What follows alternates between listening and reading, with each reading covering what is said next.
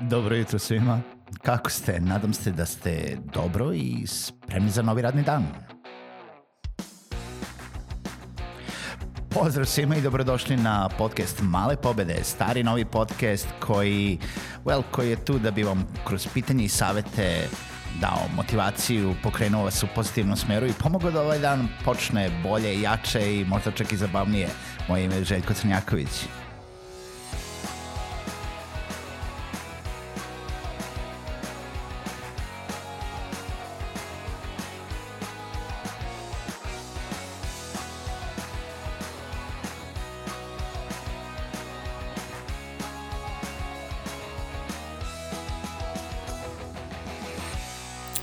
Pozdrav svima, dobro jutro i dobrodošli u još jednu epizodu podcasta Male pobede.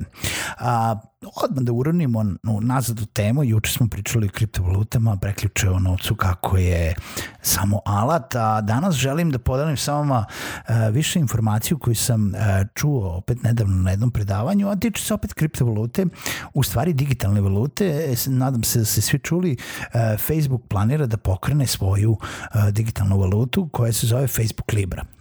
I sad svi su postavili neko pitanje šta će to biti, šta će biti ta Facebook Libra, da li će moći da se uh, kopa, da li će vrednost uh, možda skakati na osnovu, ne znam, možda nekog broja lajkova, šerova, interakcije na, na uh, jel da, Facebookove mreži, kako će jel da, ona dobijati, kako će biti ljudi nagrađivani putem Facebook Libre, koliko će ona moći uopšte da se koristi i neke nezvanične informacije, u stvari informacije iz prve ruke uh, od osobe koja je bila u kontaktu uh, sa Facebookom jeste da Facebook Libre zapravo neće biti uh, ona neka mm, ha, klasična kriptovaluta kao što smo pričali juče, a, ona će biti zapravo jedna digitalna valuta koju će izdavati Facebook. E, ona neće moći da se kopa, ona neće moći da se rudari, ona neće moći da se stiče ni na koji drugi način osim kupovinom za redovnu valutu koju veoma dobro poznajete, a to je američki dolar. Verovatno će tu biti umešane još neke druge valute, da li je to euro, ne znam, neki, neke kineske, japanske druge valute koje god Facebook odluči jel da, da, da uvede, jel da, za šta možete da kupite Libru, moći ćete da kupite za određenu vrednost dolara određeni broj u količinu, to jest Libri. Šta to znači? To znači da će automatski ta digitalna valuta biti vezana za vrednost američkog dolara i njena vrednost kao u bilo kojoj menjačnici će da zavisi od vrednosti američkog dolara kako se on bude kretao na tržištu i e, na, na svetskom nivou. Šta je još veoma bitno? Veoma bitno jeste da uvođenjem Facebook Libre Facebook želi ne želi da otvori blockchain uh, kriptovalutu koja je dostupna uh, anonimna svakome dostupna uh, na transakciji 1 na 1 koji ćete moći da koristite kao na primjer što je Bitcoin. Ne, Facebook će da bude finansijska institucija. I isto kao što veliki IT igrači polako žele da uđu u te neke bankarske i finansijske krugove, kao što je Apple teo da uradi to sa, ili još uvek će verovatno uraditi, uradio je sa svojom kreditnom karticom, eh, kao što će Google i Alphabet verovatno to da urade sa nečim drugim. Imali su jedan pokušaj, ja mislim, sa jednom digitalnom valutom, ali nije nešto posebno zaživelo. Facebook jeste u situaciji da uđe na tržište i da kaže ja želim da budem finansijska institucija, ja želim da ovaj, kontrolišem jednu digitalnu valutu uh, gde će ljudi jel, da razmenjivati pare za Libru, koristit će Libru možda na Facebooku ili u okviru njihovih jel da, želja i uh, okvira njihove platforme, moći ćete jedno drugome da pošaljete Libre preko Facebooka i automatski, to jest Messengera i automatski nekome nešto da platite u digitalnom svetu i zatim onda da otkupite nazad od Facebooka ili da pretvorite nazad u pare ili da uh, pošaljete nekom trećem ili da koristite za nešto, za neke njihove usluge, možda za kupovinu oglasa ili šta god. Ali u svakom slučaju oni će da kontrolišu tu transakciju. Oni će da kontrolišu isto kao i bilo koja banka, bilo koju drugu finansijsku transakciju, oni će biti među spona između te transakcije. I samim tim Facebook će na neki način postati banka i bankarska institucija. Što je za sada, do sada neviđeno uh, još se nije desilo ono što Facebooku daje uh, veoma veliku snagu i pregovaračku moć na, na svetskom nivou što se tiče dozvole oko uh, dobijanja od jel da, svetske zajednice da uvede ovo, jeste to da imaju neverovatni, neverovatno veliki broj korisnika. Mislim, u, koji se računa u milijardama, sad da li je dve ili četiri milijarde korisnika,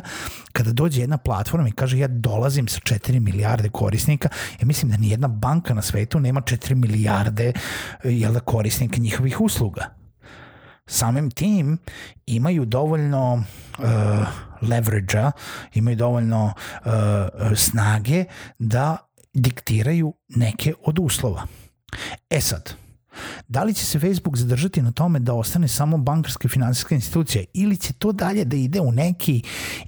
investicioni razvoj i da postane e, mesto gde ćete vi moći da kupite određenu količinu libri koji će ili, ili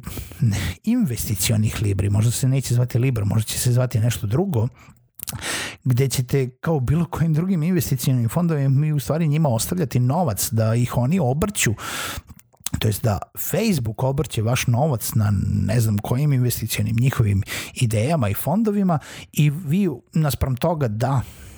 imate neki, neku dobit ili neki gubitak,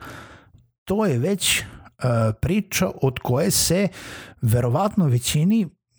finansijski stručnjaka diže kosa na glavi. Mi, obični smrtnici, možda ni ne shvatamo koliko je to uh, kompleksna priča gde jedna IT kompanija treba da uđe u finansijsko tržište i da uzme jedan dobar deo tog kolača samo uvođenjem svojih pravila. Samo dobijanjem dozvole od svetske zajednice da uvede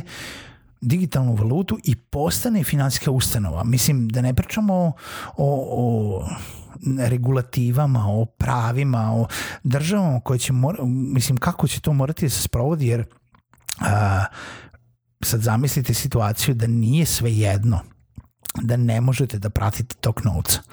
da nije sve jedno državi, mislim, u pravnom obliku, da ne može da uđe u trag ko šta, kome, kako je, zašto dobio i kako je uh, preneo. Ma mislim, ne, nije slučajno da vi na, uh, mislim, u regulativama jel da kako sad stoji, ne možete da unesete ne znam koju nenormalnu količinu keša uh, u, u zemlju, da ne možete da uh, da ukoliko se rade velike transakcije u među državnom nivou uh, sve preko određenog iznosa ide na proveru od pranja novca, finansiranje terorističkih uh, jel da, akcija i aktivnosti i tako dalje. Da ukoliko Facebook uđe tu mora da postoji određena regulativa koja mora dobro da prati sve to da nije svejedno da vi možete da kupite lib, nebitno koju količinu libra i da samo pošaljete nekome preko Messengera i da on to posle to može da zameni neki način kako će to da zameni je verovatno glavobolja za svaku lokalnu instituciju koja se posle bude uh, javljala ili ne. Ali ja sam opet disclaimer, možda se prošle, prošli put u, u prošloj epizodi sam rekao na početku, sad kažem na kraju, uh,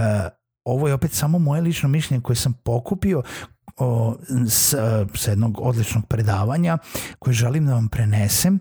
A, nisam stručnjak za uh, finansijsku pogotovo ne za digitalnu valutu, uh,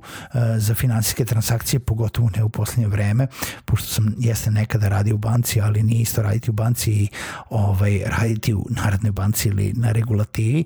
Tako da, ukoliko imate neke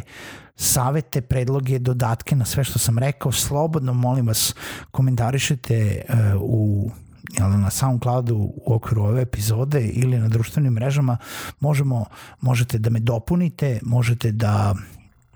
me ispravite i da jednostavno slušalcima damo sve informacije koje su potrebne a koje, koje postoje. Do daljeg slušanja, čujemo se u narednoj epizodi podcasta Male pobede.